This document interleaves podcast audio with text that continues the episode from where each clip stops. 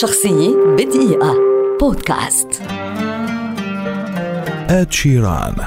مغنٍ مؤلف عازف منتج أغنيات وممثل إنجليزي شهير. ولد عام 1991 ويعد واحدا من أبرز النجوم الشباب على الساحة الغنائية في وقتنا هذا على مستوى العالم.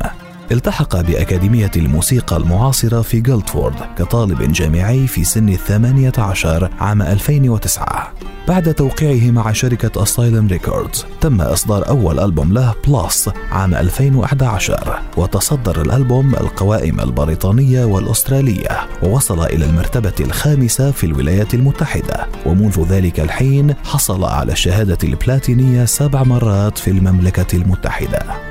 عام 2012 فاز شيران بجائزة بريت لأفضل فنان بريطاني منفرد من الذكور وكذلك أفضل فنان بريطاني صاعد وتم ترشيح أغنيته The A Team لأغنية العام في حفل توزيع جوائز جرامي لعام 2013 تم إصدار ألبومه الثاني Multiply عام 2014 وقد وصل في ذروته إلى المرتبة الأولى في المملكة المتحدة والولايات المتحدة وحاز عام 2015 على جائزة بريت لأفضل ألبوم في العام وحصل على جائزة إيفور نوفيلو لأغنية السنة من الأكاديمية البريطانية لكتاب الأغاني والملحنين والمؤلفين.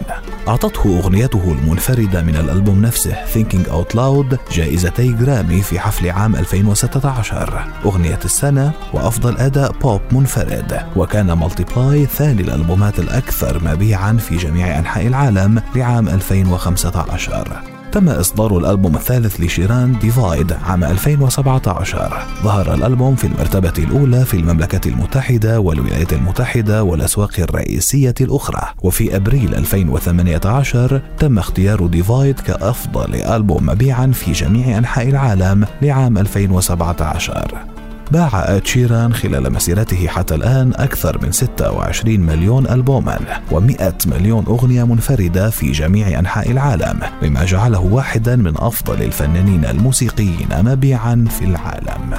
شخصية بدقيقة. بودكاست.